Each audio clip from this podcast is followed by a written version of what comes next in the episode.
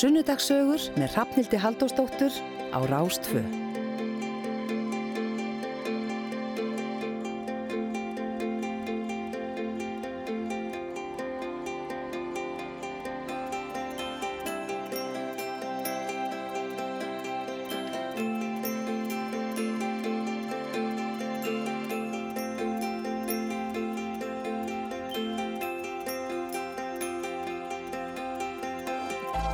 Komið sæl og blessuð og velkomin í sunnudagsögurnar hér hjá okkur á Rástvö.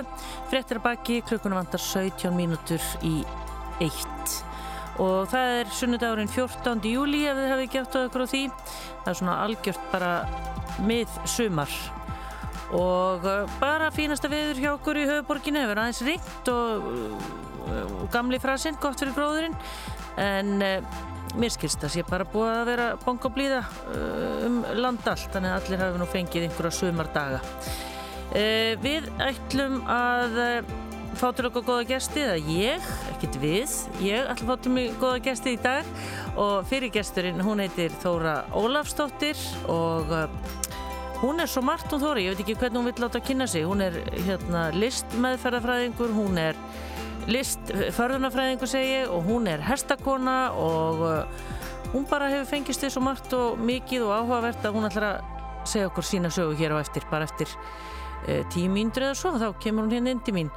Og setningjasturinn hann heitir Hans Steinar Bjarnason og hann var lengi vel uh, starfsmæður í útvarpi. Hann var með alls konar þætti og alls konar stöðum og færði sér svo yfir íþrótturnar var hérna lengst af hjá okkur á Rúf og uh, hætti fyrir rúm ári síðan og er núna upplýsingafulltrúi hjá SOS Barnathorpu og við ætlum að heyra hans sögu hér milli 2 og 3 og uh, eins og vennilega þá ætlum við að byrja á tónlist og hér er Svapnir Sig og hljómsveit og uh, lag sem heitir Fólk breytist. saman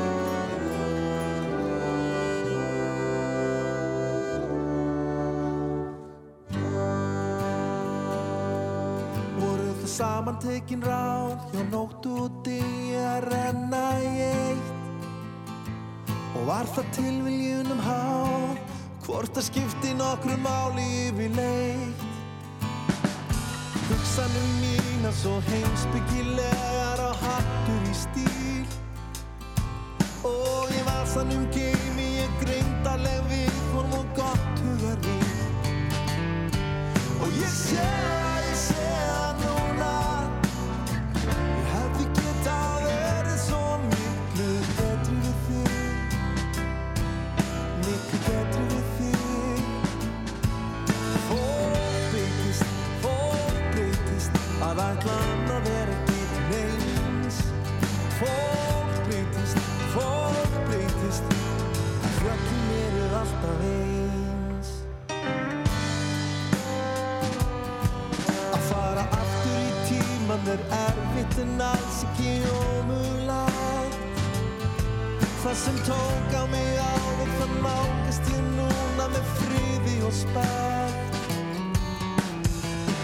í speiklinum blasir nú við það sem byrði með sín Svo ég leiðir eitt stefnu og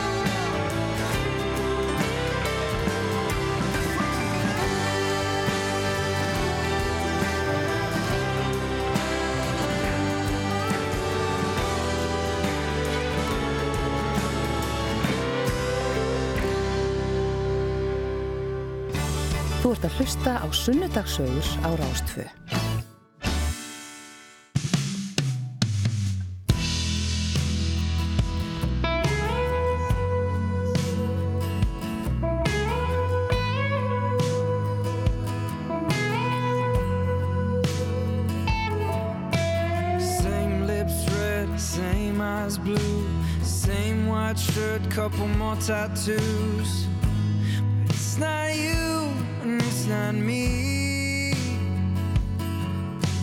Tastes so sweet, looks so real. Sounds like something that I used to feel. But I can't touch what I see. We're not who we used to be. We're not who we used to be. We're just two ghosts standing in the place of you to remember how it feels to have a heartbeat.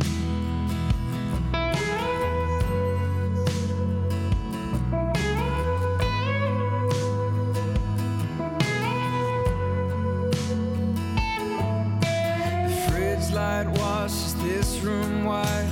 The moon dances over your good side.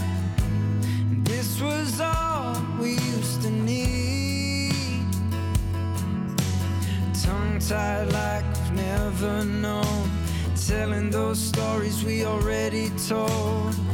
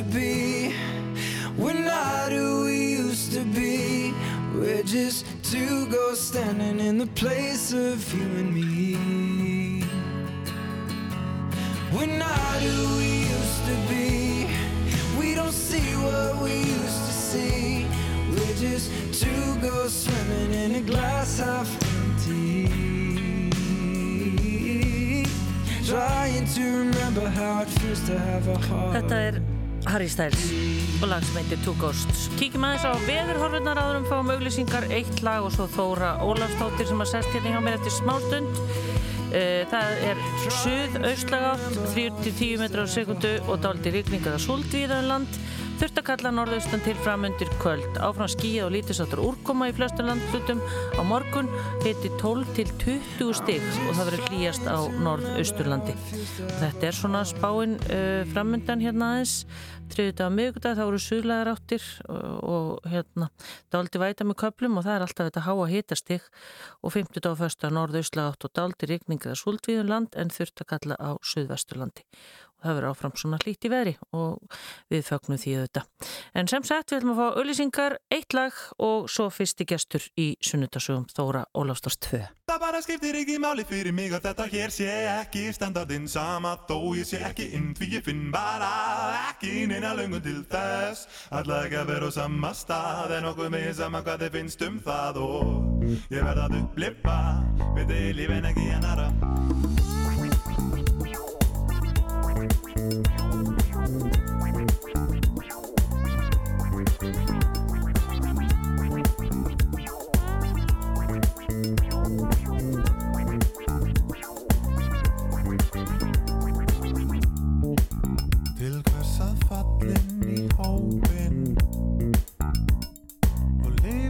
til að þóknast þeim sem eru alltaf að tala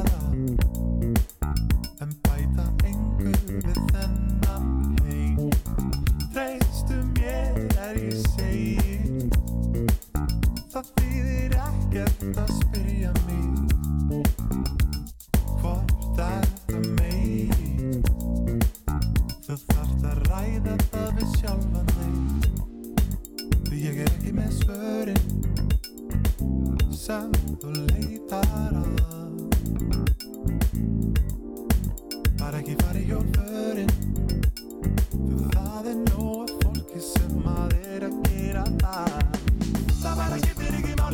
að þetta hér sé ekki standardinn sama þó ég sé ekki því ég finn bara ekki neina lungun til þess Ætla ekki að vera á sama stað en okkur megin sama hvað þið finnst um það og ég verð að upplifa við þig í lífin ekki annara En þá að prófa mig áfram. Sett ekki niður akkeri Og þeir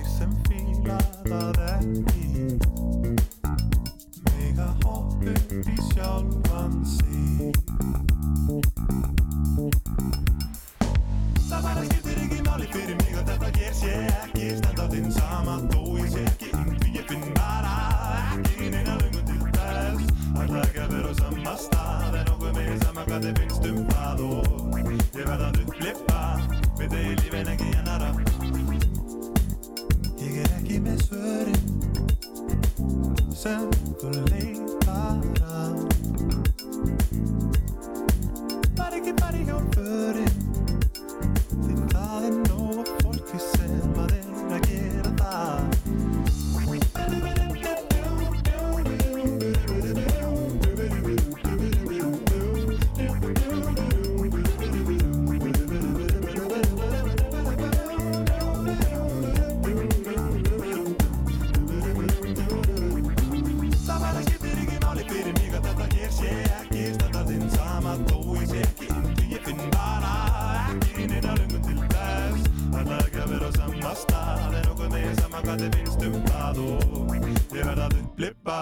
með þig í lífin ekki annara Þetta er hann Daði Freyr sem er að syngja hérna fyrir okkur og það er komin gestur í sundarsögur og hún heitir Þóra Ólafsdóttir, velkomin.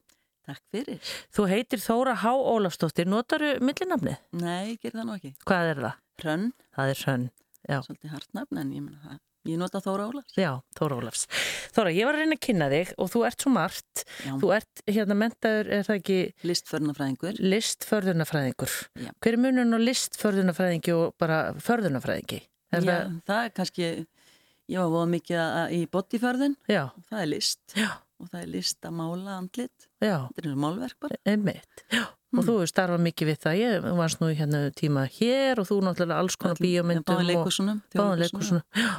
Skemmtilegt starf. Já. Já. Mjög skemmtilegt. Svo ertu herstakona, þú býrði nánast á búgarði Þóra, er það ekki í sveit? Jú, ég bý upp á Ellegavatni. Já, Ég er enda fætt og uppalinn í Reykjavík í tjarnagutu 30. já, Þannig að í kvításnu við hérna á ráðurbústanum. já, Flutti svo ægi síðuna.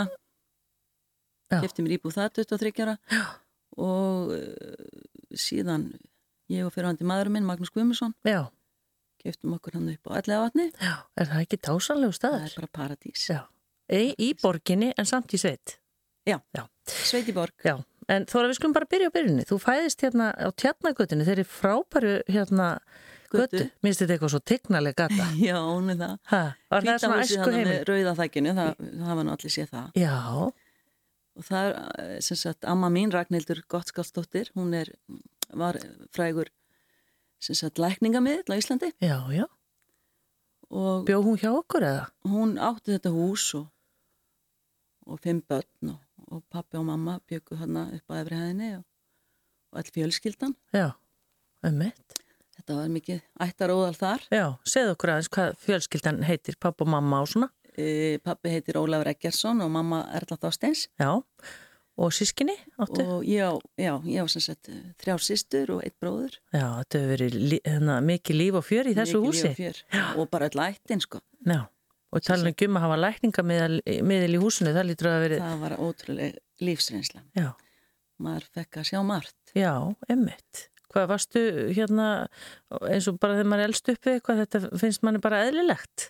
já, í rauninni veist, það voru mikið af brefum sem voru sendt til ömmu það var alveg bungi sko Já, það sem fólk var að lýsa Já, sem sagt bara að fá, að reyna að komast til hennar og fá hjálp. Já, já, Þetta var, þarna á þessum tíma var þetta alveg bara rosa mikið. já, emmitt Hvað hérna, hvað bjóstu þarna lengi eða þangað til þú varst hvað komur? Já, ég hef nú sjálfsagt verið kannski fimm ára en ég var alltaf hjá ömmu fram og tilbaka alveg til 17 ára aldurs en, en við fluttum í Sörlaskjól og síðan kaupi ég mér íbúð sjálf 23 ára á ægisíðu. Já, emmitt En hvað, er, ertu þá í þessum hefðbundu skólumann í Vesturbænum, Mela og Melaskóla Hagaskóla? og Hagaskóla. Fórstu svo í mentó? og svo fór ég í MH Já, en kláraði vestlunapróf já, emmitt maður svona að hjálpa sínum fyrsta kærasta með sitt nám. Já, emmitt það er ruglið En Þóra, varstu, varstu þá búin að ákvaða svona ákvaða braut þú þið langaði að fara? Já, ég svona ætlaði reyndar að fara í leiklistanam Já, og þegar ég kynnist mínum manni, þess að basfiðu mínum að þá, þá hérna var ég á leiðinu til New York. Já, til sýstumina sem bjóð þar í, í, í sex ár á Manhattan. Og ætlaði bara að fara í leiklistaskóla. Já, en þá var ég ófríska hrafnindilvi og fór heim. Já. Það gengur oft fyrir. Já, já. Já, já, og þá fór ég í listförðuna nám sem satt hjá eh, Línurödd og, og, og ég kláraði það á tveimur árum og, og síðan fór ég til Parísar í, í, í, í sem sagt eh, leikhúsförðun já, kom heim og opnaði búð listförðun Þóru og Önnu. Var hætti, hún var skólarstík Já, já, nema það að Anna hætti svo og ég tók við og þá var þetta listförðun Þóru. Já, já, emmitt ég tók fólkina göttinni og, og, og málaði það og sminkaði og, og það var verið að gera alls konar. Já, býtu, og sem að var ekkit á leiðinu að láta Nei, nei, það var bara, það var komið fyrir gæsun og alls konar, þetta var mjög skemmtilegt. Já, frábært. En Hérna hérna, nokkra lækna og breytti þeim í konur, gerði brjóst á það og það var mókama. vá, gaman. En hérna, þannig að þú hefur náða að gera þetta allt náttúrulega með, hérna, náttúrulega komin þetta með stóra fjölskyldi eða hvað Já, ég var með Hrafnildi Já, og svo vann ég á aðalstöðinni. já. Þeir, í- Seldi þeir þar eru ágætu. auðlýsingar fyrir hann Baldvin Jónsson. Já, já, sem var þá nýri í aðastræti Já, já. í húsinu, en það mitt vann þar um tíma. Það brakaði svona í gólfinu Já, rosa notalegt hús. já, varstu góð sölukona? Maður þarf að hafa svona Já, ákveði bein í nefinu. Ég gerði alls konar. Já, Sett inn svona trailera og, og labbaði niður laugavegin og seldi ykkur einustu búð auðlýsingar og því var komið niður yttir þá var það orðið miljón þannig að það var mjög gott fyrir útvarpið að fá það. já Það þannig að svolítið hugur ekki til einhvern veginn að, Já, já, að selja algjörlega. Já, og þú hafið það Þetta er svona meðfætt. Hvað með hérna hestana? Voruð þið strax í hestum? Eða? Já, við sem sagt, uh, ég byrja 15 ára gömul í hestunum. Já, hvernig kom það til? Það... Uh, ég bara uh, fór þannig stræt og alltaf upp í- upp í fák. Fannst eitthvað mjög leiðilegt að hanga hérna á hallarísplani eins og það var, Já. gamla dag. Einmitt.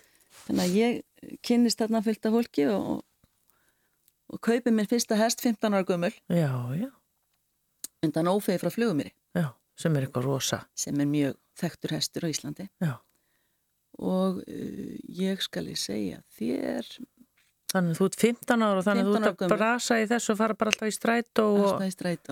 Það var, það var ekkert verið að keira mann eins og Nei, þetta. nei, en þetta er löngleið úr. Vesturbænum. Já, Já, þannig að og fóreldra mínu skilji ekki til þessu hvað ég er alltaf að gera hann upp í fáki og hvað það er að gerast og, já, og svo bara eh, er ég sem sagt alltaf á hersbæki hann og, og ríð alltaf fram hjá skygni, það sem ég býð í dag. Og hugsa með mig, vá, þetta er svo romantísku staður. Og það langar bara eignast þennan stað því ég er stór. Er það. og þannig er náttúrulega engin byggð komin. engin bygg, Nei, nei.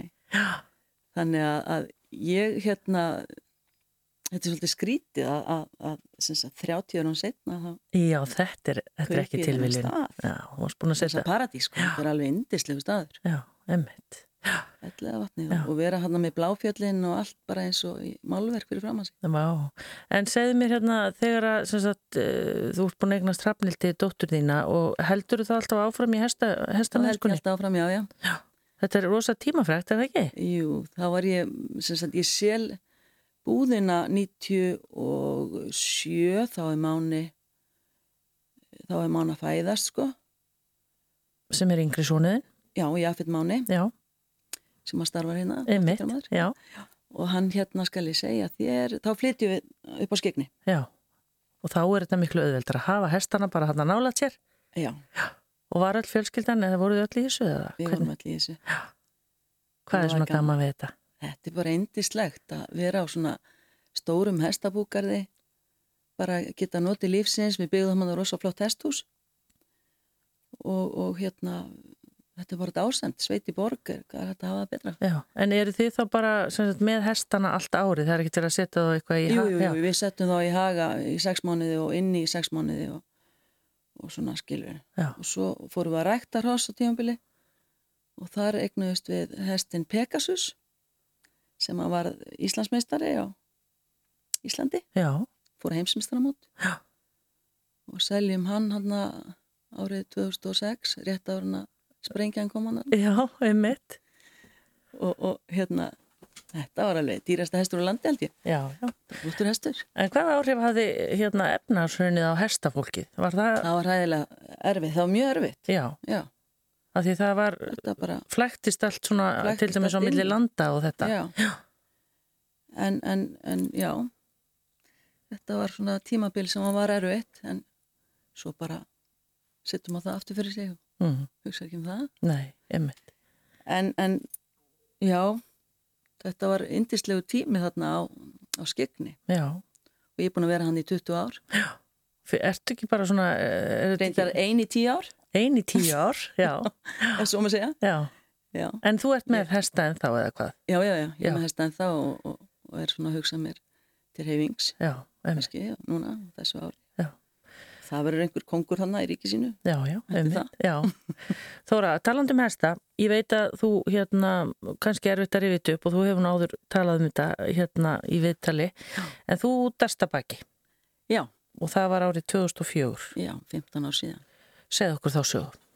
Ég sagt uh, var nýbúin að fermanna dóttu mína, Rafnil Dilbu, á lögati og, og ákveða að fyrir að hersbak hérna á, á mándegi og, og ég eh, var nú ekkit rosa hress að fara á hersbak en ég sagði, æ, drýf mig, vinkonu mín hann með mér og, og við drýfum okkur á bak og Varstu ekki hressa að fara á hestbakk, var eitthvað bara mikið ég, að ég var gera? bara ekki alveg í stuði og, og, og hugsaði með mér að við vorum að fara eiginlega daginn eftir til Barcelona, ég var búin að bjóða henni það semst í fermingakjöf Já, og ég fæ lánshest sem ég ætlaði að kaupa og keppa á. Ég var mikið að keppa þá. Já, og sagt fyrir á bak og ég kom hann upp í heiðmörk og kom hann einhvern ring ein. Já, nei, vinkonum mín var hann með mér. Já, og síðan eh, er ég komin hann að nálat bugðu áni bugðu og þá hérna startan hann sér og bara ríkur áfram hversuna gera það? Er já, það við- er svona kannski stundum á beinni braut þegar hestar eru úst, á beinni braut og ég úst, kipist eitthvað til eða það er eitthvað sem gerist ég frétti hann á eftir og hann hefði fengið gallsteinakast Já, já. en, en, en hérna Og hann er vön hestakonan og þú Já. ræður ekki neitt við neitt. Nei og hann bara og ég reyna að slaka honum en það var ekkert, hann bara áfram og, og þá fyrir maður að styrna upp og verða hrættur og, og það eru þannig að fimm manns verið fram að mig og ég öskraði að koma þér í burtu bara, það, er- annars færi þau bara líka. Já, Þannig að þetta var í svona örgulega fjóra kílómetra sem ég var í rókum á hestinum Já. og þetta var svona frekar óþægilegt. Hva, bara svo ég viti, sko, hvað gerir maður þegar, maður, þegar þú heldur bara í nakkinni, maður, þú getur ekki Já, ég held náttúrulega í, í tauminn og, og, og rey... svo uh, reyni ég að gera eitthvað en, en uh, veist, maður má náttúrulega ekki stípnu upp en hann var bara að því hann fær þetta gallsteinakast ábyggilega þá hlustar hann ekki á eitt eða neitt. Nei, og ríkur áfram og það er hann á og það er gattavýr og það er allt hann á leðinni þannig að, að ég var eiginlega orðin alveg uppgefin og búin að klemma lærin í nakkin og allt bara. Þannig að ég uh, hugsa með mér, já já ég bara, hvað þetta líf þetta er búið. Og, og bara er sem sagt alveg og það líður yfir mig í þessu mómenti já, þannig að ég flýg þarna af eins og heipóki bara. Þannig að ég er létt á mér og ég styrna ekki upp þegar ég er að og í miðju ábyggilega þegar ég er að lenda hana þá slæra hann ábyggilega í höfum því ég er rótast sko og á hverju lendur og ég bara veit það ekki. Ég, ábyggilega hefur hann, ég manna bara ekki eins og Nei, og ég, það líður yfir mig skilu þannig Já. að ég er ekkit með, meðvitund og, og síðan eh, sagt frétti ég það eftir á, á mánu minn kemur hlaupandi, hvað er hann þá gammal? þá var hann sjöra Já. kemur hlaupandi hann að mér og, og, og, og hlaupur til pappa síns og, byrður hann að ringja sjúkrabíl og hann kemur og ég er upp á gjörgæslu Þessu mannst þú náttúrulega ekki eftir Nei, Þóra. þetta fæ ég að heyra eftir á sko. Já. Hann var svo duglegu drengurinn að það var alveg ótrúlegt Já. og fór náttúrulega hágráta eftir á sko. Auðvitað. bara ég held að mamma sem væri farin Já. Nema það að, að ég er upp á spítala hérna í, í, í, í- í kóma í, ef svo með segja, já kóma í, í tíu daga. Og þá er ekkit vita bara hvað. þá náttúrulega heldur mér ábyggilega svoandi og allt þetta skilur og ekkert vita hvað ætti að- gera. Mm. nema leiða mig bara að sofa Mm og ég er þannig í þessu kóma og ég man svo vel eftir því. Þetta er svo skrítið. Ég fór einmitt í vitalina einhvern tímann. Já, áránum ég man ekki alveg hvernig það var já. 2007 eða eitthvað og hérna og þá finnst mér ég sko fara út úr líkamannum og, og er að svona spá hvort það sé í lægi með rauðu og hvítu blókonin í heilanum og ég sé að það er í lægi á, þannig að ég fyrir ferðalag þetta er svolítið fyndið að segja frá þessu en- svona er þetta Já. og, og ég fer þarna og mér finnst ég vera bara svona eins og ég sé á einhverju plánetu og, og lappa þarna áfram og ég sé svona yngamunstur hérna megin og eitthvað annað hérna megin og ég lappa og lappa og, og þetta var svo forveitnilegt að ég bara held áfram og það bara Þóra ein í heiminum. einn í heiminum. Og síðan kem ég bara og, og, og örgla á þessum tíundan degi að þá sé ég ljósið og mér langar óskaplega mikið að fara inn og ég fer inn. Þar tekur amma mín á móti mér og ég er voða hamingið sem að segja hana og hún kemur svona með faðmlega á móti mér og, og ég í fangið hann og held að hún er að taka móti mér en hún snýr mig við og bara heyrðu til þinn tíminn ekki komin og íti mér svona út í kosmóið Já. og ég bara Og þú vaktur inn í líkamann og opna augun Þóra, þetta er náttúrulega bara, þetta er bara er þetta svona? Já, þetta var svona þannig hjá mér, þannig að það hafa margir sagt að, að og, veist, eftir þetta viðtal við hann Jónas hérna í gamla dag, Já, að þá ringdu margir inn og bara, wow, þú veist, hvernig þú orður að segja frá þessu svona veist, margir hafðu upplifað svipað, skilur, já, þannig að þetta er gaman. En Þóra, þegar maður, sko, að því það er oft talað um þegar einhver líkur í koma og það eru heimsóknir að það er að tala við viðkomandi og Já, eh, þá, ertu, ertu, fannstu eitthvað fyrir þessu eða? já, það var reyndar eh, svo gott hjá honum fyrirvandi mínum, hann, hann eh, bað alla fjölskylduna og, og vini að halda í hendin á mér. Það var alltaf einhver sem held í hendin á mér. Svona halda mér hérna neyra jörðinni. Já, og þetta skiptir máli. Þetta skiptir máli. Og svo þegar ég opna augunanda þá eru þau öruglega að hugsa að ég sé bara að fara. Mm Þannig að Máni hann og Hrafnildur mín sem sagt sjá að ég opna augun og verða það mikið sem. Hún var náttúrulega á leiðin til Barcelona með mér eftir fermingar Já, daginn. Já. Þannig að það var ekkit ekkit þannig sem að það kom ekki strax. Mm. Ég var hann í þrjá mánu á spítala og hvað, og Aron Björnsson hann sá alveg um mig og dögulegnir og mistur minnið eða, Já og nei, skilur það, það kom svona fljótt tilbaka. já, en þú þurftir En að ég misti svona líktarskinn, það slitna hann og þá fóru hann að kristallarinn í, í eironum og ég var svona hálf fulla í heilt ár. Já. Já. Þetta tók smá tíma. slompuð aðeins. Já, já, það Já. slampið. Og hérna, hann var bara svo æðislegur, hann Aron Björnsson, hann hérna tók mig á hverju mótni og bara við dansuðum og bara þóra, já, nú erum við að fara að dansa. Þannig að þetta var skemmtilegt, en, en ég, ég framt mikið lífsreynsla. Já, og ég átti að fara að grensa ás eftir þess að þrjá mánuði en, en ákvaða því ég bjóða á svona fallegum stað að ég skildi bara lækna mig sjálf. Já, og hvernig gerður það? Ég fór heim og, og, og, og bara hýlaði mig og, og mediteraði og svona, sem sagt.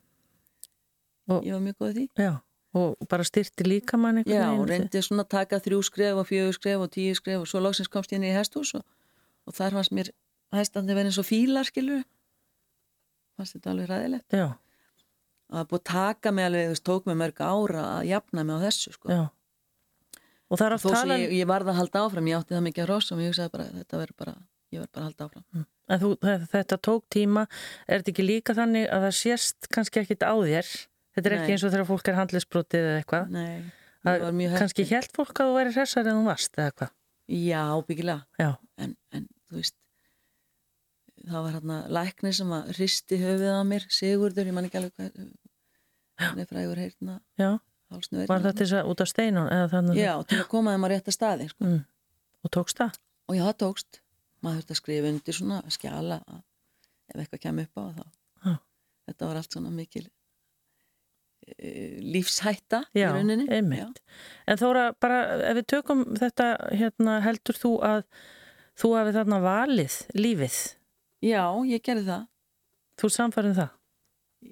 já, með, með bara, einhverjum öðrum Já, einhverju kraftaverki hann uppi að það er eitthvað lína þarna og þú ákveður að fara hérna með við og Já. ammaðin er þarna. já, amma var hann með mér en mér langaði oft að bara úst, mér fannst þetta svo eitthvað auðvelt, ég hugsa bara, og það er ekkit hættild að deyja, Nei, skilur veist, þannig að, að þetta er bara svona þetta. En hvað með göngin sem oft er talað um? Sástu ykkur göng eða varstu eitthvað, það er oft talað þegar fólk er hérna? á leiðinni, Já, já, það er það ekki bara göngin sem ég var að labba hana, já, skilur í þess að tíu dag, ég var svo fljót tilbaka ég var bara tímyndur bara. Já. þetta var svo fljót hugsaðu um þetta Þóra oft? já, þetta gerir maður það. En, og sérstaklega þegar þetta ég kom heim að spítalanum og þá, þá fannst mér allir hálf geðveikir hérna í umferðinni og ég sagði bara, vá, hvað er að gerast hérna? Já, hraðinn og lætin. hraðin og lætin og, og mér fannst allir hálf brjálæðir Já, þannig að því ég kem heim og ég var bara að horfa trí og bara sama hvað það var. Ég var alveg, vá, þetta er bara glæsi og búslega fallegt og skilur já. Þurftur bara að vera svona... mat lífið allt öðru vísi en svo, svo ferðu inn í þetta aftur. Já, ha, þú ferðu aftur inn í þetta og þú ert ofta að stoppa þig og segja er þið hingað ekki lengra, nú bara hugsa um þetta og börnin þín og, og maður fer aftur inn í eitthvað svona drama fer, úst, ég fatta það alltaf um leið og ég er komin inn í of langt sko. Aðeins að róa þig og vera mig, sko. Það er rugglega þetta Já. En Þóra, hérna áhugavert að heyra líka hvernig, hvernig gengur svo að fara á hessbakk eftir þetta? Já, ég fer þarna eftir eitt ár fer ég á Hesbak fer aftur í gallan þá máttu við ekki klippa gallan hann var svo hrættur um að ég heyrði brjáluð Já, nema það að, að hérna að skal ég segja ég fer á Hesbak fyrir gallan og alla Hesbak og ringir vinkona mín, hún Kolbrún Kolbeins og beðum að koma þess við hjá sér. Hún var eitthvað með smá migræniskast og ég fer til hennar og, og, og, og er þarna á nýjum bíl sem ég var nýbúin að köfa mér og, og keiri svo tilbaka og, og hjálpa hennar þess og fer tilbaka og stoppa hana á stöðunaskildur rétt hjá í hverfinu sko sem ég bjó. Og bí og þetta er hann að við hliðan á ditta báraðar þestamanni já, og ég stoppa þarna og, og, og, og sé að hafa glerhálka, þetta er í februar og ég sé að það er steipubíl að koma hana niður og ég hugsa með mér, já ég bara býð hérna. Og svo sé ég hann bara stefnir á mig, ég bara, ég, ég trú ekki að bílinn er að koma á mig. Og hann bara byrjar að renna. hvað? að renna, hann ræður ekki við eitt en eitt og á mig á bílinn. Ég bara trúði þess ekki, ég bara, heyrðu, er ég bara að fara að deyja hérna í skilur. Þannig að, að hérna steipubílinn er svona ránglandi fram og tilbaka og, og fer á hina liðina en, en ég er framt búin að kre, kremja sko eh, sem sagt eh, glerið og, og, og loftulúuna hann og hana og, glerið brotnar og fer fram hann í mig og, ég begi mig niður en, en hann fer ekki lengra hann, hann fer á hina liðina ég á þannig að ég næ að ringja og, og segja ég hafi lendandi í smá áreikstri Já, smá, bara steipubíl, já. þannig að hérna jú og þetta, þarna kemur sjúkrabíl aftur og ég upp á upp á spítala. Í hesta, í hestagallanum og sami læknir tekur á móti mér, hann bara þóra, ég trúi þess ekki. Ertu komin aftur ynga, hvað er að gera? Og ég bara, ég, þetta er bara það er ekkit að mig núna, nú er ég vakandi halló, Þú veist. Þannig að- að ég fyrir hann í kraga og er hann einhvern veginn dag upp á spítala og heim og, Já. og svona var þetta já, hérna, en þannig að, lífsreynsla. þannig að þessi dagur endaði svona, fórst ekki á hessbakk. ég voru ekki að spæk Nei, en hvað leið þá langu tími? svo uh, líða einhverjir tíu dagar og, og ég ætla aftur að hesbak en hugsa með mér, ég ætla aðeins að býða, ég ætla að losna við kragan fyrst og þá er verið að frumsýna hérna allt á hreinu Já, með Agli Ólafs og, og þeim hana sem er sem sagt, stuðmannamyndin hana? já, Já, og þeir eru bræðra sinnir hann og minn fyrirvændi, já, þannig að við okkur hlakkar ómikið til að fara á þessa bíómynd. Förum í smára bíó og tökum mána með og, og, vini hans og rosa gaman. Nema það að ég fæ miða á þriðabekk já, og ætla að fara að, sem sagt, að horfa myndina og hafa gaman að þessu með pop og kók og allt þetta já. Er það ekki setni myndin? Er ekki með allt á reyna? Það er seinni myndin, sko. Já, hérna, hvað heitir hann aftur? Fönn- Hanna, Já, við munum það þetta Já, já, já. nema það að, að ég byrja að horfa og svo tíminna liðnar að, að, að þessari mynd og, og ég finna það, þú veist, það er eins og einhver sem verið að strjúka með svona hálsin og ég veist bara, hvað er að gera þetta er eitthvað bara mjög skrítið og þá stendur drengur upp fyrir aftan mig, 14 ára gammal og, og bara springur eitthvað hann og ælir yfir mig. Og mér bregðu svo og ég bara, heyrðu, hvað er að gerast núna?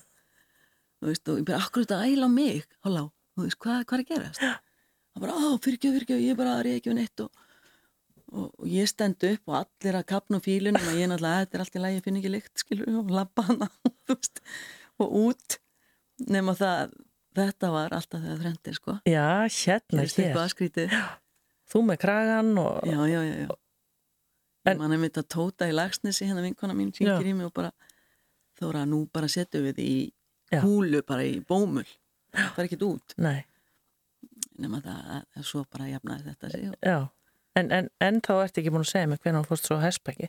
já, svo fer ég að Hasbak og, og ég fer hann á sneglu mína undan allsýstur Pegasus sem að fór til Ameríku Já. og, og Nú veit hestamenn alveg um hvað þú ert að Já, tala, já, sko. já, já. já, nema það að hérna já, hún var svo uppáslega þæg og góð að þú gast bara verið að reyðhjáli og hlaupi með hana við liðna þér að, að hún svona bara kom mér til að fara á hæsbak aftur og, og, og, og mér leiði rosalega vel en, en ég kem tilbaka og þá var hann að játningamestari hjá mér Svenni Hjörleis heitinn sem að var að játna fyrir mig og, og við setjumst og hann sé bara hvernig líður þóra við fyrir bara bæði að gráta Það verið moment alveg. Já, þetta var moment. Já. Og, og hérna, já, og síðan fór ég náttúrulega á hestbakk eftir þetta. En fór bara á góða hestaskilur sem að ég treysti. Já. Og ertu þannig í dag? Og ég er þannig í dag og ég er ekkit rosalega mikið, ég, það kemur í mig sko ef ég ætla á einhvern hest, já, rosalega góðan hest sem heitir Orfeus undan Pegasus mínum og ég get alveg, gæti alveg riðið honum sem sett, en ég er alltaf svona smá vör um mig Já. við öll rós. Ég til dæmis er með hrissu núna sem heitir Hraftina, undan andvara frá ei, mjög góða. Og ég fer á hana stundum. Já. En þú þarfst að vera með alveg... Ölfusinu fyrir austan. Já, ummitt. Það sem ég vann áður, á Íslandik Waterholding. Já, ummitt. En ertu þóra, myndur þú segja, ertu pínu smeg? Já, það kemur oft í mig, sko. Já. Ég kannski fer á bak og, og, og hérna, svo fer ég að hugsa, býtu, vá, allar hún að hlaupa. Nei, þú veist, ég stakk stundum af í miðri, miðri reytur og á hann aftur og, Mm. og fæ þá töffar hann í mig, skilur til þess að ná mér upp. Já. En þetta eins og þú ert að lýsa, hestur náttúrulega sem þú þekkir ekki og svona, en þetta getur einhvern veginn engin uh, hérna skýrt og það getur allt svona. Nei, vá, það getur allt svona. Já. Og er, Hvað sem þú ert og, og hvað sem þú ert að gera, skilur já, þá, þá, þú veist, hestur getur stíð á þig og, og það er bara, þú Já. ert bara með, þetta er bara þinni ábyrð, einmitt, já. En þetta þegar maður lendir í svona aðstæðum, það sem að maður getur ekki stjórnan einu. Já, þetta eru flóta dýr. Já, einmitt, það, er- það er ekki það, hestamenn er ekki með eitthvað þá á að gera þetta eða þá á að gera Já, þú þetta. getur, ef þetta er vel tamin hestur, þá náttúrulega á hann ekkert að rjúka, Nei, skilur en, en, en, en þetta getur alltaf gerst. Mm. Ég menn, það getur einhver verið að sprengja hérna upp uh, flugelda og, og hann trublast við það náttúrulega, eða mótuhjól eða ég átti einu svona hest sem hétt Íslandus, hann var hrættu við batnavagna, já, skilur, er, þetta er alls konar karakterar í, í þessu. já, einmitt. Þóra Ólafsdóttir er gestur minn, við ætlum að fá nokkra ölsingar og kannski svona nokkra tóna og halda svo áfram með svona setni hlutan af þessu ótrúlega magnaða lífinar Þóru. Rástfö Risa sumarútsölu húsgagnahallarinnars líkur um helgina. En meiri afsláttur. Komdu og gerðu frábær kaup. Húsgagnahallin fyrir lifandi heimili. Vassklæðning, palla...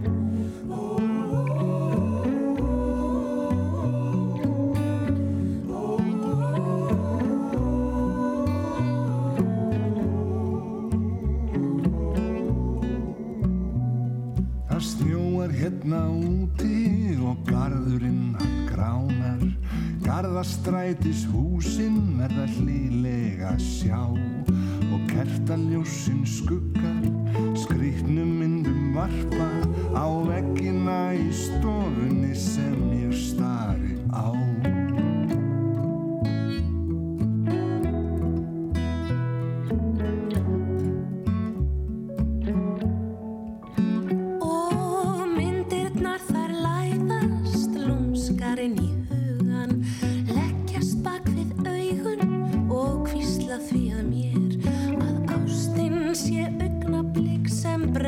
mannsins hjarta í brjósti mín er eldurinn en að leika sér. Og þau svífa í kvöld snjókornin sem kossar án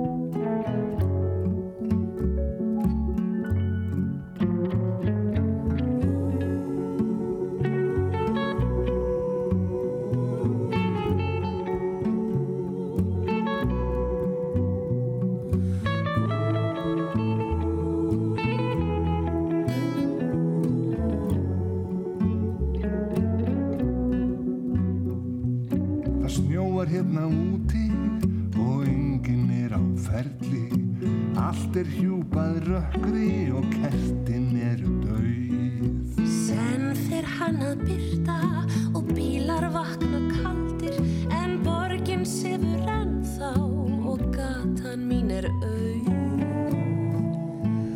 Og þau svífa í kvöld snjókornin sem kossar án vara Þetta er fólki með silkirættirnar, Sigga Toll og Sigurður Guðmusson og Þóra Ólafsdóttir er gestur minn hér í Sunnudarsugum. Þóra, uh, finnst þér ekki, þú hugsaður um þetta allt saman, þessa lífsreynslur þínar, þetta er, þetta er, sko, þetta er efni bók. Er efni bók. Þú þarft að gera þetta einhvern tíman alveg lau. Það ekki? Jú, það að hafa dáið Það og... einhverja, Ha, ég er að fá hann hérna einar, hvað heitir hann? já, til að skrifa, en hérna, eh, eins og til dæmis bara þetta með steipubílun og svona, heldur ekki að einhver, hérna... Það var einhver sem var með mér hann. Að passa þig? Jú, jú, jú. Já, einmitt. Hvernig voru svo, hvað tók svo við einhvern veginn þegar að þú varst búin að ná heilsu og varst svona komin af stað aftur þóra? Já, Eftir þá 2004, það er hann að hrunið. Já, það er hrunið og, og, og, og fóreldra mínir reyndar fóru 2006 og 2007 Já. sem var mjög erfið. Já, ég trú því. Ég skil stutt. 2008 um 2009 Já, og, og, og hérna við skiljum ég og Magnús. Já. Nú ég er hann ein með börni mín í eitt og halvt ár já, á skegni og ég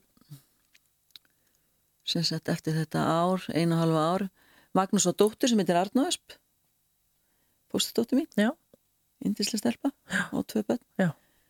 og, og hérna, já við sem sagt skiljum þarna og ég held áfram að búa á skegni og eh, síðan kynnist ég manni einu og hálf ára, eftir já, sem heitir Jón Ólafsson. Já, og við kynnumst hana og, og, og hvað ég segja við, Hef ég búskap eða hvað? nei, nei, nei, nei, við vorum bara svona í fjarbúð Já, já, og vorum miklu vinnir og, hann var mjög góður við mig.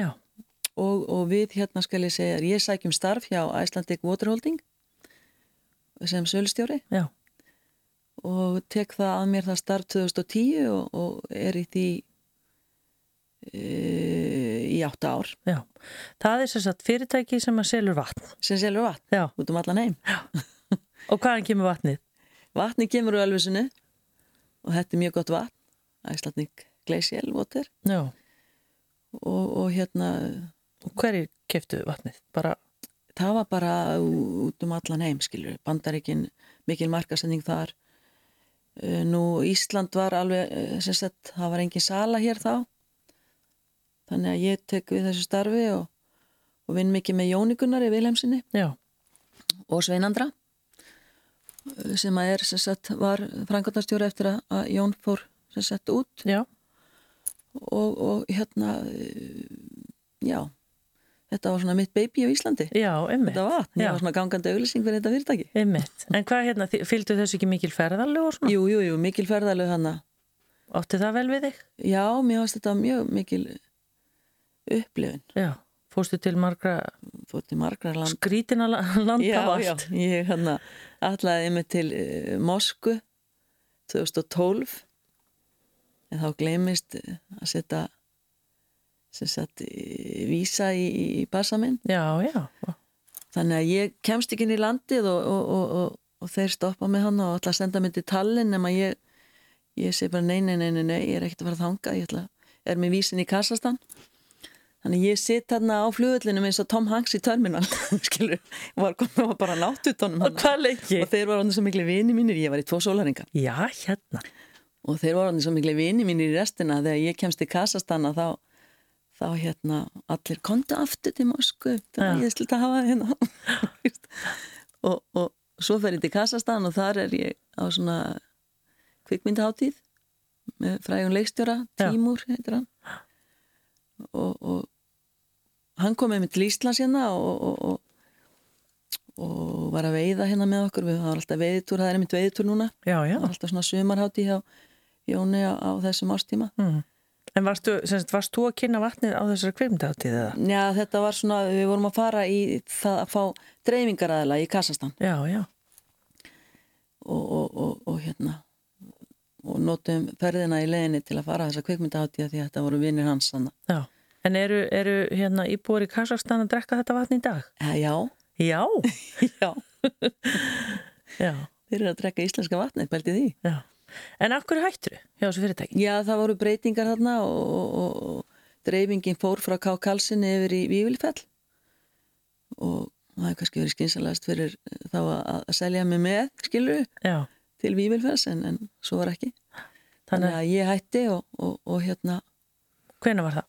uh, það var bara fyrra. Já.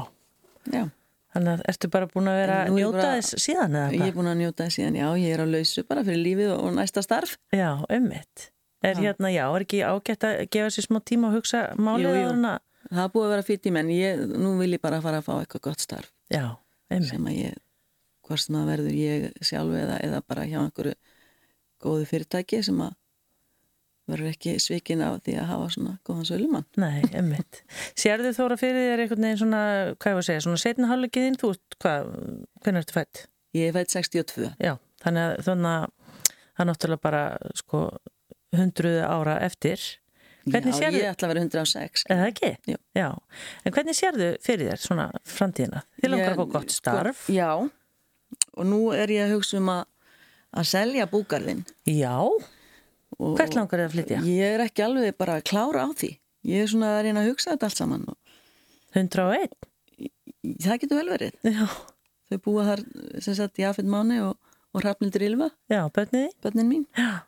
En hvernig það hlýtur að vera svolítið skrítið þegar maður er búin að búa í svona hálgeri sveit? Jú, það er pínu erfitt. Þetta er, ég, veist, mér veist ég mikil töffari að- búin að vera hann í 20 ára. En ég verða, mér langar að breyta til og, og nú ætlum ég að gera það. Já. Og En herstarnir?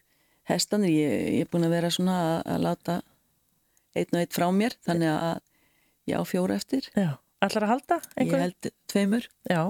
svo bara leiði ég hjá einhverjum fallegu manni eða Sem vil, hérna... sem vill, sem vill hérna hýsa mig. Já. Það er nú ekki allir sem að, hérna, það er nú flesti sem að eru bara eiga hesta og búa ekkert endilega með hestunum, sko. Nei, nei, Nei, nei. En, þið, sagt, þið skildu svo, þú og Jón Ólafsson? Já, við eh, hættum hann að vera saman 2014 Já.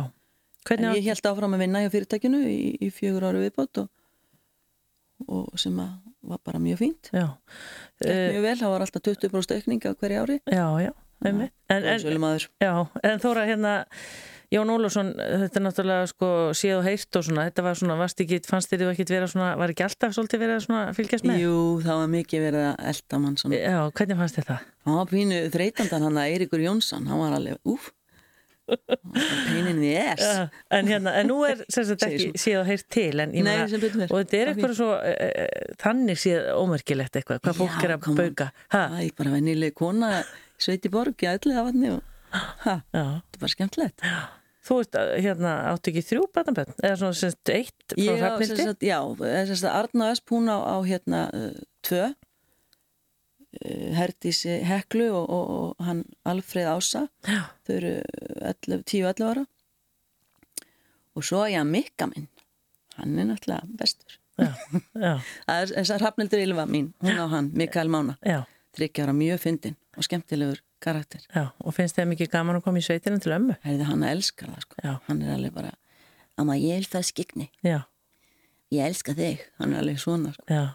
Og alveg ef ég kem heimsókn til hans þá var hann alveg, amma, fæðu skónum fæðu úlpunni og ekki færi frá mér. Nei. ekki færi frá mér. Þetta er, þetta er hérna, þetta er að dýrmættasta í lífinu. Vá, hvað þetta er gaman. Já. það er eiginlega bara, það er mjög sérstætt að vera amma. Já, og bara gaman, indislegt já, ég elska já, skemmtileg tilfinning. það já, Hvað hérna, þú bara, þú tölum aðeins um hérna bíómyndirna sem þú runnið við. Þú sagði mér í, hérna fyrir helgi að þú vannst mikið með Solvögu Ansbach, þeirri mætu listakonu já. sem nú ég byrjaði reyndar í síðust á Reggvis Já, og þá var gaman. Og síðan fór ég aðeins í Mýrina og hjálpaði Ragnar Fossberg þar. Við unum mikið saman hérna á, í sjónvarpinu. Já, og svo var ég já, í alls konar auglýsingum og, og, og, og hérna þjóðleikusinu og borgarleikusinu. En ertu ekkit endilega spennt að fara í þetta? Jú, jú, alveg endilega. Ef ég, ef einhver kvikmynd þá er ég alveg til í að koma í hana. Já, ég er svo laus núna, frí og frjáls. Já, já. þannig að það væri rosa gaman. Og, og hérna og kannski verður það. Kannski Baltasar Kormakur að fara að gera eitthvað eða, eða einhver, vonum að hann sé að lusta núna. vonum að hann sé að lusta Já, þannig að þú, en þú ert hérna svona með hvernig þú lítur út brósmild og jákvæð og Já. ána með lífið þóra. Já. Ertu, ertu þakklátt? ég er mjög þakklátt og mér skildist loks að eina ástæðan til að halda í lífið er að hafa gaman að því Já, er það ekki? jú. Ef að láta þetta vera lokaverði. Þakka það fyrir Takk fyrir komuna Þóra Ólafsdóttir og gangið vel. Rástfö Götu, það er fjallaðum hana í dag. Svo er þetta Rokklandi klukkan fjögur. Sefnis í gær. Fórstjóru Æslandeir Group sagði í samtalið. Sunnudagsögur með Hrafnildi Haldórs til klukkan þrjú í dag. Hingaði komin Hans Steinar Bjarnason sem að ég veit að þið hlustendu góðu þekki nú vel sem íþróttafréttamann, hann var nú lengst af hérna hjá okkur á RÚF. Eh, Velkomin Hans Steinar. Takkaði fyrir, mikill leiður að fá að koma til þín. Hættur hérna hjá okkur og komin í spennandi starf hjá SOS Barnaþorpum. Já, upplýsinga fulltrúi Já. hjá SOS Barnaþorpunum. Kúplaður alveg um en þetta er samt svona pínu líkt starf, sagður mér aðan. Já, þetta í raun og veru þegar ég skipti um að þá var ég svolítið að fara út í óvissuna. Ég var ekkert alveg eh, svona handviss um það að ég ætti að sækjum þetta starf. Eh, Ég verða að viðkjöna það að kona mín, hún svolítið svona var orðin svolítið þreytt á því hvað ég var orðin töðandi og leiðilegur og, og hérna, mér var bara að fara að leiðast í raun og veru í, í hérna, fjölmýrunum uh, og, og hún eiginlega bara svona, heyrðu, sagt um þetta. Og, og ég prófaði það og, og hérna og var ráðinn. Og ég sé, hef ekki séð eftir í, í eina mínútu. Já, það eru komnir, hvað, 14-15 mánuði síðan. Já, og, og hérna, mér finnst þetta frábært. Uh, ég sá aldrei fyrir mér að ég myndi fara að starfa við já, starfa fyrir góðgerðarsamtök.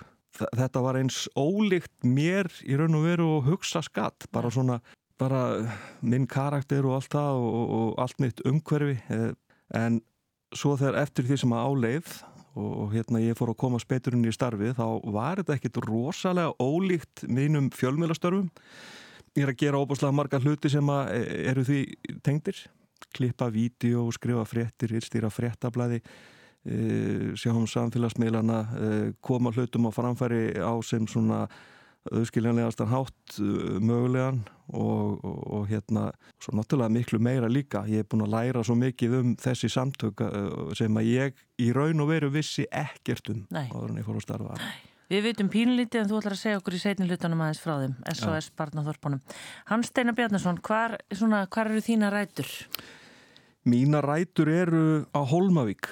Ég hérna er, er að vísu fættur í Reykjavík 29. júni eh, 1973 og uh, mamma var mjög ung þegar hún átti mig, 18 ára og hérna var, hafði búið sjálf á Holmavík og, og hérna Margret Hansdóttir og flutti mjög snemma til Reykjavíkur, hún er snirtifræðingur að ment og, og var að vinna sem slíkur hérna í Reykjavík. Og ég gekk svona á milli eh, í, í pössun fyrstu mánuðina hjá uh, sýsturinnar mömmu og manninum hennar og svo hjá föðurömmu minni. Mm og uh, fóruðra mínir sem sagt uh, voru ekki í sambandi ekki nema bara stutt. Já, og uh, svo fer ég til föðurömmu minnar í, í, í pössun uh, Bryndís Bjarnadóttir sem að lest núna í, í desember síðastlunum sem ég á alveg óbúslega mikið að þakka og, og hérna og, og pappi minn er sem sagt Bjarni Sitriksson uh, fyrirverandi sendiráðunautur og fréttamöður til dæmis hér á, á Ríkisútvarpinu Já, og dagskrágerðamaður. og dagskrágerðamaður Frábæra þætti. Og, og hérna og svo er ég uh, hjá ömmu alltaf í pössun og svo veikist hún uh, sent á árinu 1973 og ég er að lokum sendur uh, sem átti að vera svona tímabundin pössun til ömmu og afa á Holmavík fyrir jólin 73 og uh, þessi tímabundna pössun hún varð í 15 ár Aha. því að ég var bara alltaf aðeins lengra og lengra lengur og lengur hjá þeim fer svo í grunnskólan og Holmavík og er þar bara alveg þanga til að ég er eh, 15 ára eh, 88 þá fer ég sagt, eh, flytja til mömmu og, og, og, fórstu pappa míns eh, Til Reykjavíkur. til Reykjavíkur.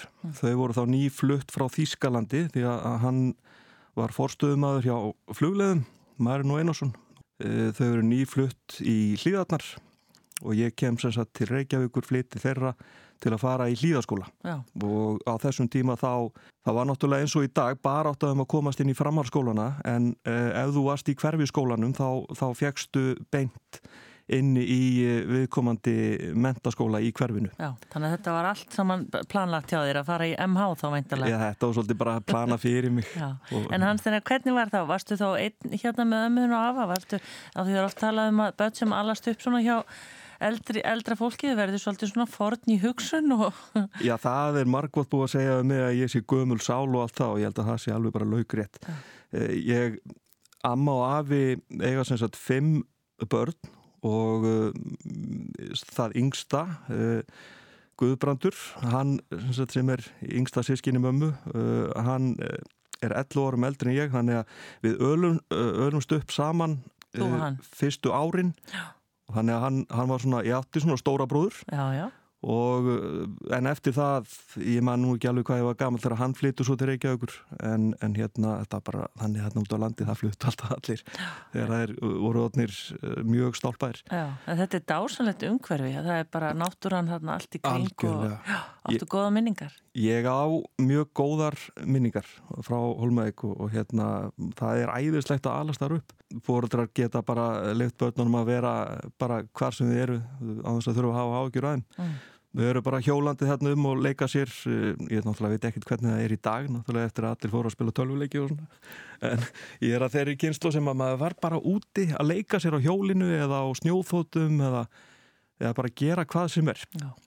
Þannig að, svona frjáls, einhvern veginn. maður er bara alveg frjáls Já. Og, og frábært að vera hjá ömmu og afa og, og, og ég þekkti náttúrulega ekkert annað. Nei, það þurfti til dæmis að, að stoppa mig af í að kalla þau mömmu og pappa á svona fyrstu árunum þegar ég byrjaði að tala. Og, þannig að við vildum halda já, halda öllu og, og ég hef átt í og alltaf átt í mjög góðum samskiptum við alla mína fjölskyldu eh, pappa þó ég hafi ekki allist upp hjá honum og, og ég var alltaf til dæmis hjá mömmu og fóstupappa á, hérna, á sumrin. Já, og, og fór til þeirra líka til Þýskalands og, og hérna náði að læra smá þýsku og búin að gleyma henni núna geti kannski pikað hann upp á einu mánuði ég fengi, fengi að fara út og, æfaði. og æfa mig Já, já, já.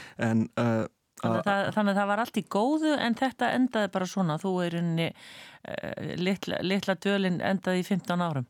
Já, var bara 15 árum egnaðist þarna mína vini á Holmavík. Svo náttúrulega bara eh, í raun og veru, ég veit nú ekki, já, ég, ég er aðeins svona nýlega farin að uh, geta svona tala eitthvað mikið um það en, en uh, ég var svona, ég var svolítið öðruðsi á Holmavík. Það var þannig að hérna, það þekki allir túrætt í dag og, og, og ég var ég fekk svolítið að kenna á því uh, fyrir að vera með túrætt af því að það var mjög slæmt á, sagt, á mínum barnsaldri Já, og, og náttúrulega börn náttúrulega eru bara eins og börn eru. Þau, uh, hérna, það er eitthvað mjög skrítið í kringu ja, þá, þá svona látaðu mann aðeins finna fyrir því.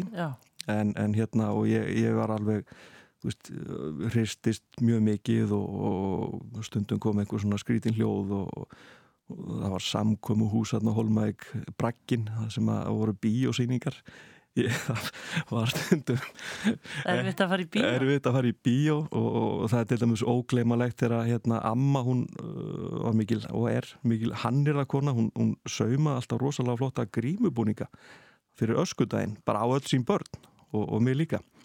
Og sama þó að maður væri með eitthvað höfufatt og einhverja grímu sko, það vissu alltaf allir hver ég var. Já, og svo vann ég alltaf grímuburuna því að það eru flottustu búningunum En var þetta til þess hans steinar að þú lokaði þið eitthvað af eða upplýður þetta svona eins og þú hugsa um þetta í dag sem er svona ákveðið einelti eða hvernig?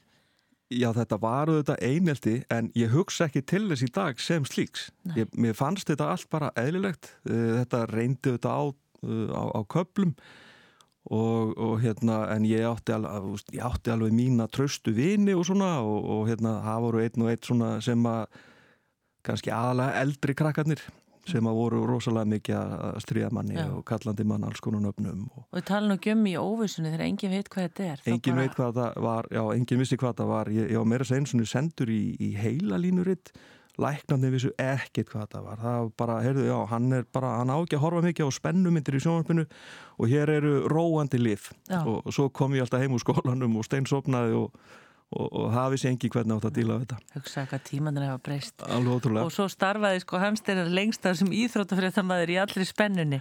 En, en þegar þú kemur semst í, í hérna hlýðaskóla, eh, hvað gerist þá?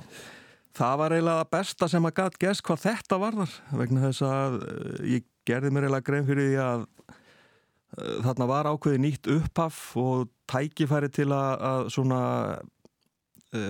já, bara skiptum umhverfi og, og byrja upp á nýtt einhvern veginn Já. ef, það er hægt að komast þannig á orði. En býtu þetta Ég- er eitthvað, er þetta hætti maður bara að vera með túrætt? Ég held ekki og, og það hefur raun og verið aldrei hægt það bara e, e, með tímanum þá einhvern veginn, ég veit ekkert hvernig ég fór að því en ég svona e, ég náði einhvern veginn að tjannilega þetta svona inn í mig og svona reyna að fela þetta að, og ég held að mér hafi tekist að vegna þess að það var ekkert verið að minna mig á þetta minniðni í stríðni. Nei, og ég held að það hafi hjálpað. Já, Eh, þannig að með tímanum og unglingsárin voru náttúrulega tók öll unglingsárin og táningsárin að, að svona gera þetta nánast ósýnilegt já. En þetta í dag sjá kannski svona allra þínir, allra nánustu. allra nánustu sem að bara hafa þekkt mig lengi sem að eh, já, gera sig grein fyrir og sjá kannski eitthvað ör, einhver örlítil enginni en, en, en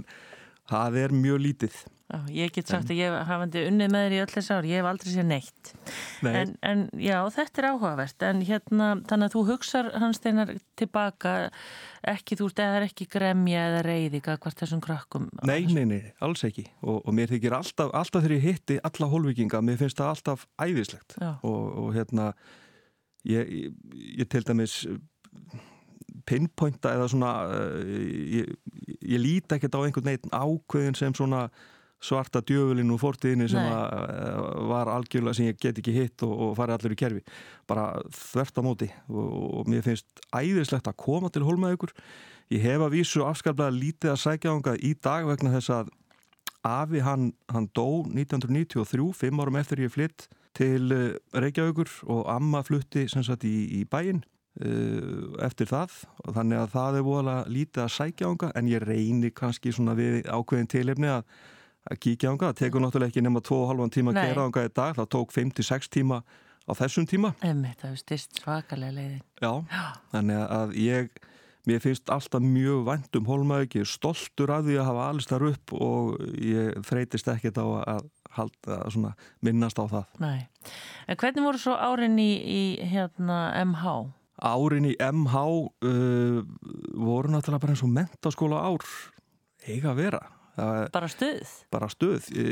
Það er endar, þau eru svolítið mert af því að ef ég fer örlítið aftur í tíman að þegar Rás 2 byrjaði 1983 þá verði ég svona gjörsamlega dolfallin af áhuga á útvarpi og fyrstum sér náðist Rás 2 ekkert á Hólmavík heldur voru samsendingar á næturnar sem að uh, ég bara, þetta var eins og að horfa á sjónvarp í dag, ég, ég stilti útastækinu upp á skrifborðu mitt og horfði á útastækið Vá. og ég skrifaði niður alls konar hluti tók þátt í öllum getrunum með því að senda svörin í, í brefi, í posti og, og allt eitthvað svona.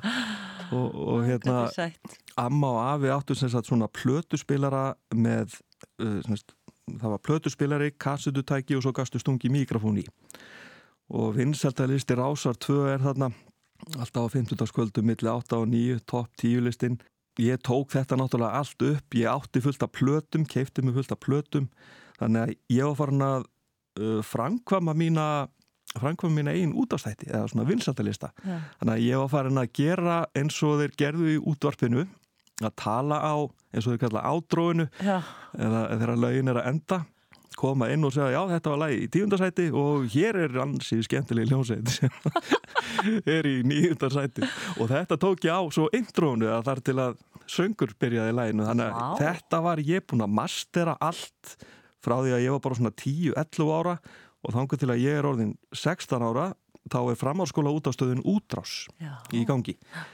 eftir að uh, útastöða voru leiða frjálsar 86 að það náttúrulega spruttu upp útastöðar eins og gorkúlur Já. og útrás var eina af þeim æðislegt framtak, ég held að allir svona reyndustu útás með landsins hafi gengið í gegnum þann skóla Já. það fyrsta sem að ég geri þegar ég kemin í MH er að leita upp í formann útvarsráðs sem að var á þeim tíma Áskir Páll Ákusson Já, við já. þekkjum þekktur útvarsmaður í dag Já, já. Ég kynni mig fyrir honum og segi uh, Kondur sæl, uh, ég heiti Hans Steinar, ég var að byrja, uh, get ég fengið þátt. Þannig að þá var svona hver mentaskóli fekk útlutu um tímum yfir vikuna. Og ég man að ég fæ þarna þátt á þriðjudegi klukkan millir fjögur og sex. Og þar bara byrjaði þetta, uh, 1989. Vá, Þar bara, þetta er áhugavert, þannig að þú ert bara einhvern veginn, þið langaði bara á þetta, í, á þetta svið einhvern veginn. þetta var einhvern veginn bara alltaf, ég bara vissi einhvern veginn alltaf hvað mér langaði að gera. Mm.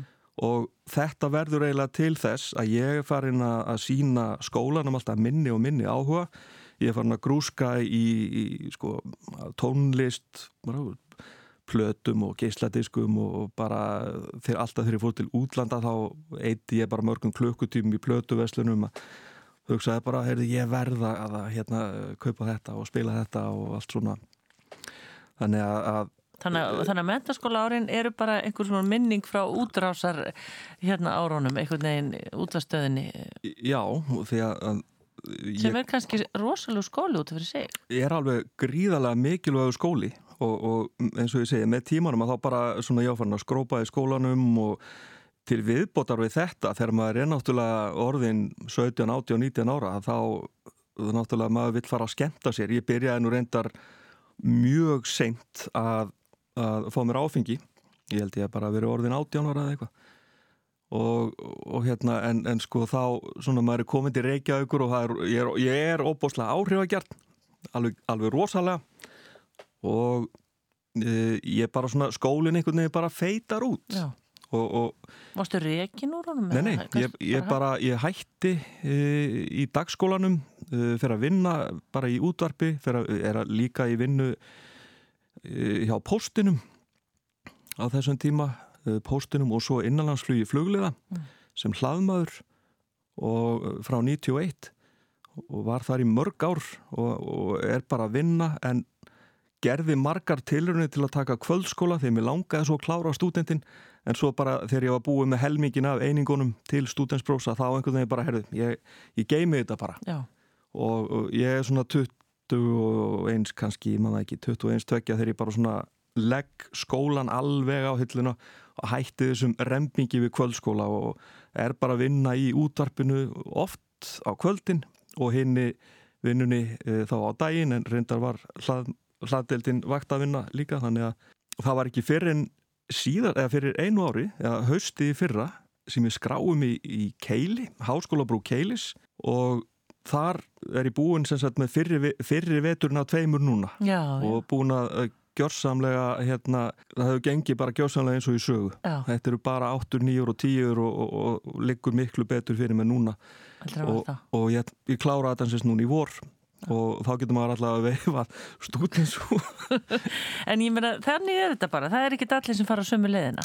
Nei, nei, og, og þetta liggur bara fyrir manni kannski betur á, á, á hverjum tímapunktum. Og ég verða að segja líka bara að því að ég er í fjarnámi með vinnu að fjarnám er svo mikil snild fyrir, uh, ég vil segja fólk eins og mig. Því að ef, ef ég hef verið greindur á þessum yngri árum ég hefði örglega verið greindur með alls konar greiningar. Já. því að hérna aðtiklisbrestur klárlega verið eitt af því sko. Og hérna að því að ég, ég er farin að segja nei, fugl, eða flugvel bara mjög fljótt, fljótlega þegar ég kom inn einhvert inn í bók. Og ég var farin að lesa bækur í skólanum og þann hátt að það var bara meira upp á samviskuna að bara renni gegnum textan en það satt ekkit eftir. Nei, einmitt. En, en fjarnámið er þannig að þá getur þú hort á fyrirlestrana og þú getur pásað á það er eitthvað sem þú skilur ekki þú horfið bara þannig að þú skilur það já. Frábært Hansteinar. En varstu að sapna þér fyrir íbúð, varstu komið kærustu af því þú varst að, erst að lýsa, þú varst í svo þremur ólíkum hérna vinnum og, allt þetta, varst að, eða var þetta bara nöðsilegt til að hafa salt í grutin eða hvað? Sko, um, á þessum tíma þá eru laun fyrir útásmennsku ekki bara léleg, heldur bara greiðslu, launa greiðslu voru mjög stópular. Ég maður til dæmis að, að maður var að mæta til útástjórans kannski eh, fyrir utan skrifstofuna uh, klukkan uh, 2 á 50 degi eða föstu degi og, og hann spyr hvað kemstu af með mikið? Já. og svo sapnaðist bara upp launa innistæðin og þetta náttúrulega allir alls konar fjármála vesinni hjá mér og ég náði aldrei að sapna mér neitt einu eða einu En varstu þarna alltaf einn eða áttur Ég- Já, ég, ég náttúrulega var svona e, átti kærustur e, en aldrei neitt mjög lengi. Nei, e, það var ekki fyrir en ég kynntist konu minni þegar ég var orðin 31 ás og, og, og hef verið með henni í 15 ár. Já, hvað að heitir hún? Hún heitir Sigriður Þóra Þóradóttir Já, og hún er talsveit eldri en þú? hún er átt árum eldri en ég.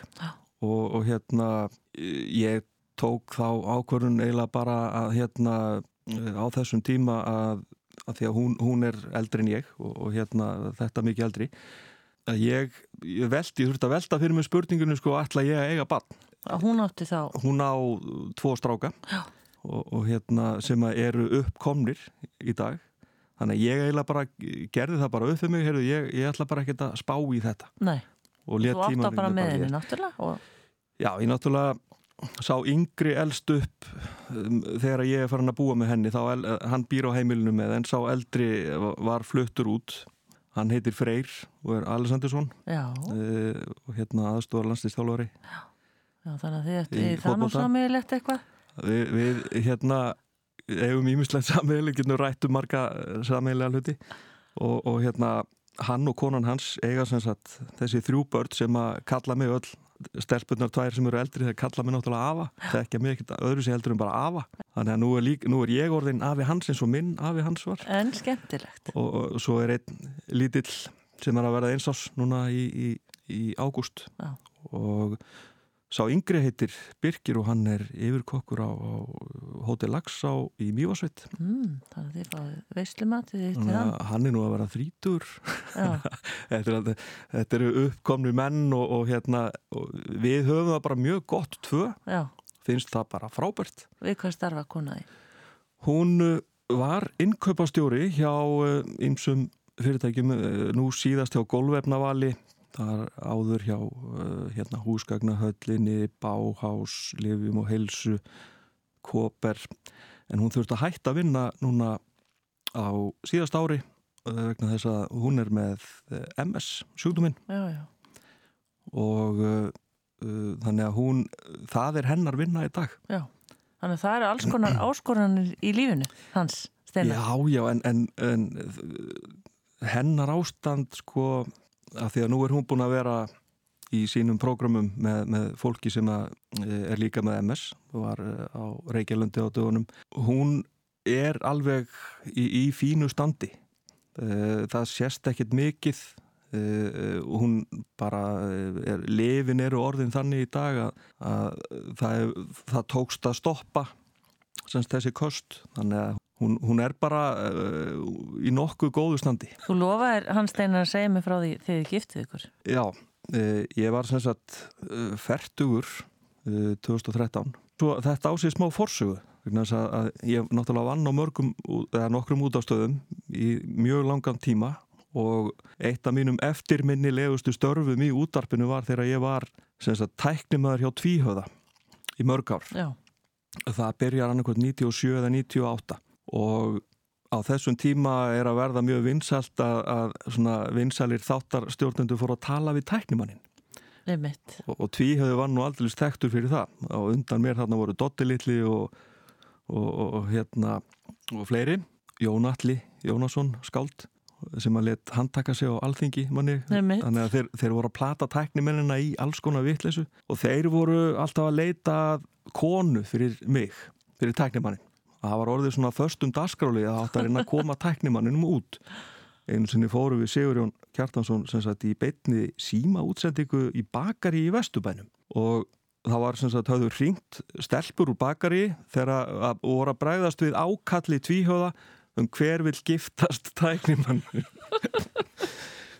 þannig að þeir, hann, sagt, Jón Gnar ég kendi honum á tækniborðið og sagði, heyrðu, þú setur hennar slega upp og, og bla bla bla og, og svo förum við bara núna í síman símanum í, og komum inn í beina og við frangkvæmum þessa aðtöfn og, og hérna segur hún giftir mig þarna einhverjum bakar í stúlkum.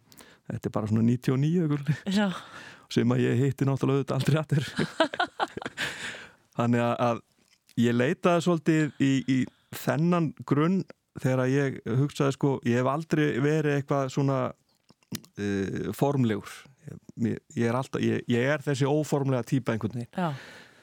ég rætti þetta á Siggu hérna, heyrðu, eigum við ekki bara fá tvíhöða til að gifta okkur og hérna, ég, Jón Gnar er borgastjóra á þessum tíma Já. og ég tala, hitti Jón og hérna spyr, heyrðu, mátt þú gifta sem borgastjóri? og hann, nei ég held ekki, en ég er hins vegar í svona hugleðingum að stopna trúfélag og þá held ég að ég megi gifta út af því. Já. Þannig að það er ákveð að, að hérna, við ákveðum þetta bara fyrir jólinn 2012 að, að Jón Gnar muni gift okkur og, og hann og Sigurún muni hafa comeback sem tvíhauði í veislunni. Þannig að það er bara bóðið í færtugsammali en aldrei tekið neitt fram að, að það verði brúköp í leðinni. Þannig að við höldum þetta í skemmtigarðinum í grái, bjóðum þarna bara öllum okkar ættingum og vinnum, hundrað og eitthvað manns og, og hérna vinnufélögum og eitthvað hvað og hvað. Og það náttúrulega var óbáslega skemmtilegt, frábært veður og svo í lokin á þeirra prógrami þá draga þeir bara allt gengið út á sjóræningaskipi sem er um í grafu og heitir Gnarrin í höfu og jóni. Og þar bara tilkynir hann að hér sé að fara fram brúkup og hann framkvæmi svona óformlega aðtöfn það sem að enginn vissi á þessum tíma var að Jón náttúrulega mátti ekki gifta, hann var þurft að hætta við þessa hérna, hugmyndum að stopna trúfélag. Þannig að við þurftum að framkvæma serimóniuna hjá síslumanni Eða, þetta formlega. Já en, en fyrir okkur var þetta auðvitað aðtöfnin og auðvitað ámar að fá að ráða því hvernig maður gifti sig. Já, þetta er stórkonslega saga.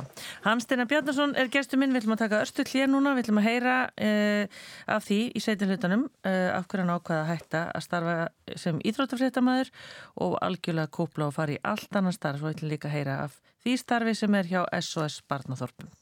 Rástfö Sunnudagssögur með Rafnildi Haldósdóttur á Rástfö. Þá hef ég hér setni hlutan í viðtali við Hans Steinar Bjarnason fyrir hann dýþróttafrættamann og auðvitað útvarsmann, hann er búin að reykja sína sögu hér á handa hlaupum hér í fyrir hlutanum. Hans Steinar, ef ekki bara byrja á því að þú ákveður að hætta hér í starfi sem íþróttafrættamæður og svona vilt eiginlega tengja það að þú hefur bara fengið nánast svona kulnun í starfi, eða svona kortir í kulnun. Já, þetta var eiginlega bara kortir í kulnun, tímundur en, en hérna, ég náttúrulega var búin að vinna í fjölmjölum frá 1989 þetta eru hvað ég hætti 2018 29 ár, vá. Er hún svona gaman Hvernig líst þetta ég, sér? Já, ég er hérna semst búin að vera í útvarpi til 2006 og uh, hvað er ráðin Íþróttafréttamar og stöð 2 2006 NFS og stöð 2 og, og svo yfir á Rúð 2012 þetta er svona ég veit ekki, það gerist ekkit allt í einu. Uh, ég, þetta var orðið þannig að ég var svona ég var hættur að hlakka til að mæti vinnuna. Ég var farin að ég bara leggja sent á stað vegna sem ég leiði svo óbáslega miklu betur í róliheitunum heima.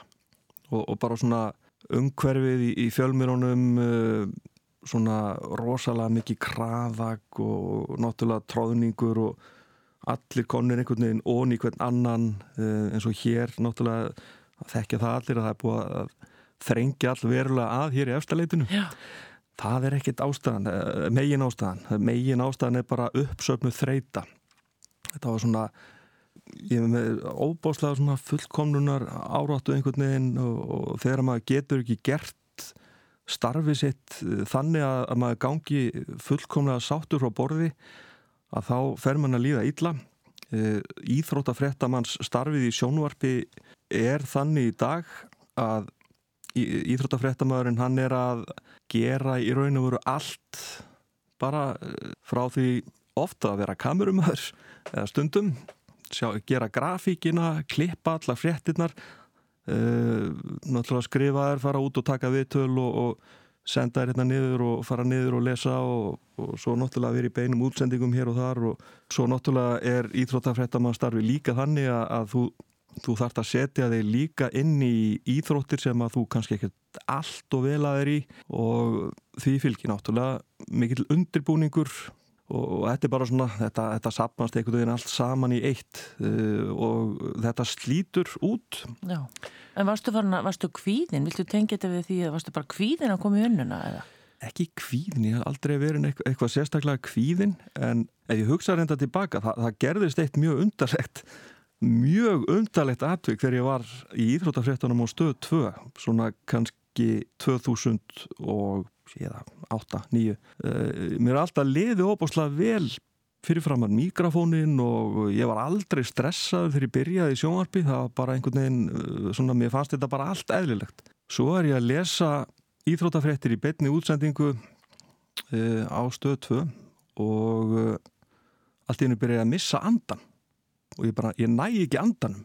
Og ég er að lesa tvær í röð svona svo kallar lögum eða voice-frettir eh, sem er, ég er ekki búin að klippa fyrir um heldur, er bara með myndir yfir og er að lesa er bara mm. í beitni og, og í, bara, í fyrri frettinni þá bara missi ég andan og uh, ég þurfti bara að gera einhvern veginn svona Já. stopp og fara bara hoppum yfir í eina frett hérna og náðu ekki eins og lesa ingangina þenni þetta, ég var, ég var í mörg ár einhvern veginn bara að jafna mig á þessu og, og þá heldist yfir mér rosalega mikið óöryggi. Já, ummitt. Ég, ég var aldrei vita hvað þetta var. Ég, ég bara... Kanski einhver svona skilabóð bara? Já, þetta, já. Ég, ég veit það ekki. Eftir þetta var ég alveg óbúslega uh, óörugur og, og kvíðin eitthvað svona já.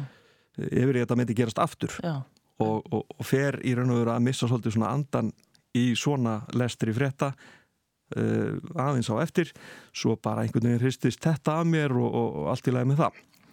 Uh, en svo verður þetta bara þannig að það, það er orðið leiðilegt að mæti vinnuna. Ég, eins skemmtilegt og þetta starf er að þá var það orðið leiðilegt uh, þetta er það sem að ég hef sér þjálfa mig í í mörg ár alltaf að læra eitthvað nýtt og, og, og, og svona ná að vinna með það og læra það alltaf að læra fullt af hlutum og læra það ennþá betur. En svo bara kemur að því eins og þarna þessi eins og við skulum bara kalla þetta kortir í kulnun að það á sér eh, aðdraganda í einhver ár. Að ég er orðin svona pyrraður svona, svona töða og bara þegar ég kem heim og, og svona fer að verða einhvern veginn bara alveg sama. Já. og ég fann það bara að uh, þetta var ekki eðlilegt og ég þurfti bara eitthvað nýtt. Þannig að ég Og það er Sigga sem að svona stappar í því stálinu? Já, hún, hún rek, rekur augun í þessu auglýsingu frá SOS Barnathorpunum upplýsingafulltrúi og, og segir hérna, það rennur hérna, umsóknarfreistur rennur út í dag. Og ég náttúrulega búin að vera að vinna í sama starfi í svo óbúslega mörg ára. Ég átti ekki einu sinni til nema, jú, einhverja eldgamla ferilskrá sem ég þurfti að bara dusta reikið af uh, þegar ég kom heim setjumpartin og sendi þessa umsókn inn bara einhver tíma rétt undir miðnættið og, og, og hérna og það fór bara þannig að ég er svona stráðinn. Þar var tilkynna það svo hér uh, fljótlega bara inn á rúfa hérna, heyrðu, já, ég, ég er búin að fana starf. Já ég ætla bara að hætta. Já. og ég held að hafa enginn trúaði svona í fyrstu uh, að bara já, hann kemur aftur. Það koma allir aftur einhver tíman en það, svo tilfinning hefur ekki komið upp hjá mér ennþá og ég uh, er alveg óbóslega ánaður í, í mínu starfi í dag sem upplýsingafulltrúi hjá SOS barnaþorpunum. Já, en hann steinar, bara því að þú ert þarna í rauninni kannski á miðjum aldri þegar þetta gerist uh, varstu hrættur, eh, býtu, er ég að fara að segja upp starfinu mínu, ég er hérna í frábæru starfi sem að mér finnst ekki skemmtilegt lengur kom þá svona svolítið, þú veist, af því að fólk er oft bara svona rætt við að taka þessa ákverðin Kom, hvernig segir þú? Að, að bara hætta í öryggu starfi og Já. hver er að ráða mann sem er miðaldra, skilur þau? Þetta er Já, ég, ég var náttúrulega, hvað, fjör, já, ég er semst 44 þarna og uh, í fyrra og jú, jú, ég, ég, mér, fannst, mér fannst það samt allt í lagi aldur til að uh, geta byrjað einhver staðar í einhverju Já. öðru en ég, náttúrulega það hamlaði því alltaf bara það allar auglýsingar voru starfsauglýsingar voru bara háskólamyndun, háskólamyndun. Og starfsreynsla það, það er alltaf að tala um það, hvað starfsreynsla sé mikilvæg. Mm. hún er það hún telur afskaplega lítið Já. þegar á hólminni komið. Já, bara starfsreynsla eins og allir geta tala skrautlega um það hvað það sé óbúslega merkilegt. Að þá er það ekkert merkilegt þegar uppistæðið og, og það held ég, ég Það mætti kannski svona aðeins lifta því betur upp. Já, mín reynsla hvað það var það er að ég gerði, ég var búin að gera tilraunir til að komast að í, í námi í háskólanum í Háskóla Íslands fyrir no nokkrum árum síðan og ætlaði að nota hérna starfsreynslu ég var ekki með fullt stúdenspróf en það var bara uh, puttinn og hérna Já, já. bara glemdu við finnur Já, einmitt. þannig að, þannig að ég svona, það er líka ástæði fyrir því að ég heldi mér í háskólabrúna hjá Keili að bara að, líka bara að örfa aðeins heilan bara og, og fá bara að fá að læra ný vinnubröð af því að það er það sem ég hef gert í Keili að, að það er að bara fatta það að ég get gert fleiri hluti og það er akkurat það sem ég hef komist að Já. Hansteinar, við ætlum að eða síðustu mínútonum eða verja síðustu mínútonum í að tala um SOS Barnaþorp. Hva, hvað er þetta? Hvaða fyrirbæri er þetta? SOS Barnaþorpin eru samtök sem að voru stopnu fyrir akkurat 70 árum.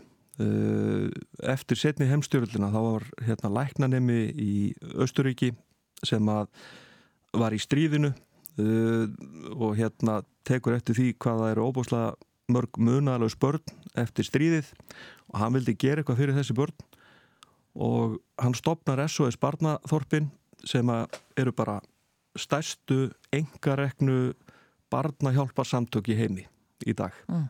Og á bara alþjóðavísu. Já, og, og, gjörsanlega ó, óháð trúabröðum og, og pólitík uh, eru til dæmis ekki heyra ekki undir saminu þjóðunar og, og þar framöndu gödunum en eiga samt alveg samstarf við önnu samtök Já. og, allt þar en það er búið að smíða svo óbáslega magnaðan mekanisma í þessum samtökum að hérna í dag eru uh, hátt í 600 barnaþorp í 126 löndum um allan heim Mm.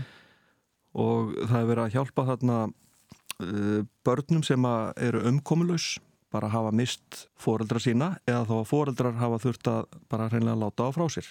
Og maður hugsar hér upp á Íslandi sko hvernig geta foreldrar láti frá sér börn? Þetta er rosalega fjarlagmanni og ég sé bara eftir að ég, ég er búin að fara núna eftir ég byrjaði að vinna hjá SOS að ég er búin að fara nýri í Eþjópíu og ég hef svona þar öðlegast í þennan skilning á því af hverju foreldrar geta þetta. Og þau eru að gera þetta fyrir börnin svo að börnin eigi möguleika í, bara í framtíðinni. Já, af því að fátæktin hérna er algjörlega með ólíkindum og þau get ekki gefið börnunum að borða og þau þurfa á þeim að halda til að afla tekna fyrir heimili, þau get ekki senduð í skóla. Uh, ég, þetta eru hundruð þúsunda barna sem að búa í þessum uh, uh, þorpum og, og í þessum barnaþorpum þá fá þessi börn sagt, þau fá SOS mömmu sem er, hefur alltaf verið SOS mamma en, en náttúrulega með árun eða upp á sí, síðkastið þá náttúrulega er að koma inn svona SOS feður líka þau eignast SOS sískinni af því að á, uh, hjá hverju SOS mömmu á hverju heimili eru uh, nokkur börn og svo fara þau í skóla þau fá nú að borða og það er bara að hugsa um þau og þau, þau fá bara svona, þau fá fjölskyldu. Já, einmitt. En er þetta þá bara eins og ef, að- að hérna SOS við tökum það, eru þið þá bara þetta þorp er byggt upp af SOS og það eru allir á sömu fórsöndum hana inn í.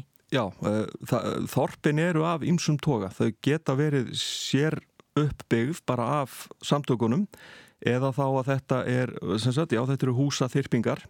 Sumstaðar þá eru þetta bara íbúðir innan um aðrar íbúðir í bara vennilegum hverfum.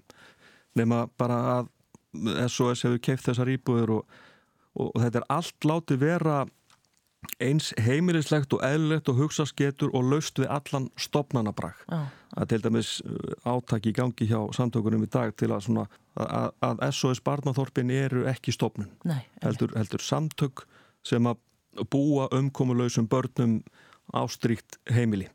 Þetta, er, uh, þetta starf er unnið í, í nánu samstarfi við yfirvöld í, í hverju landi og það gæti þess vegna engu tíman uh, komið barnaþorp á Íslandi. Uh, það er alveg vandi hér Já, já. líka Já.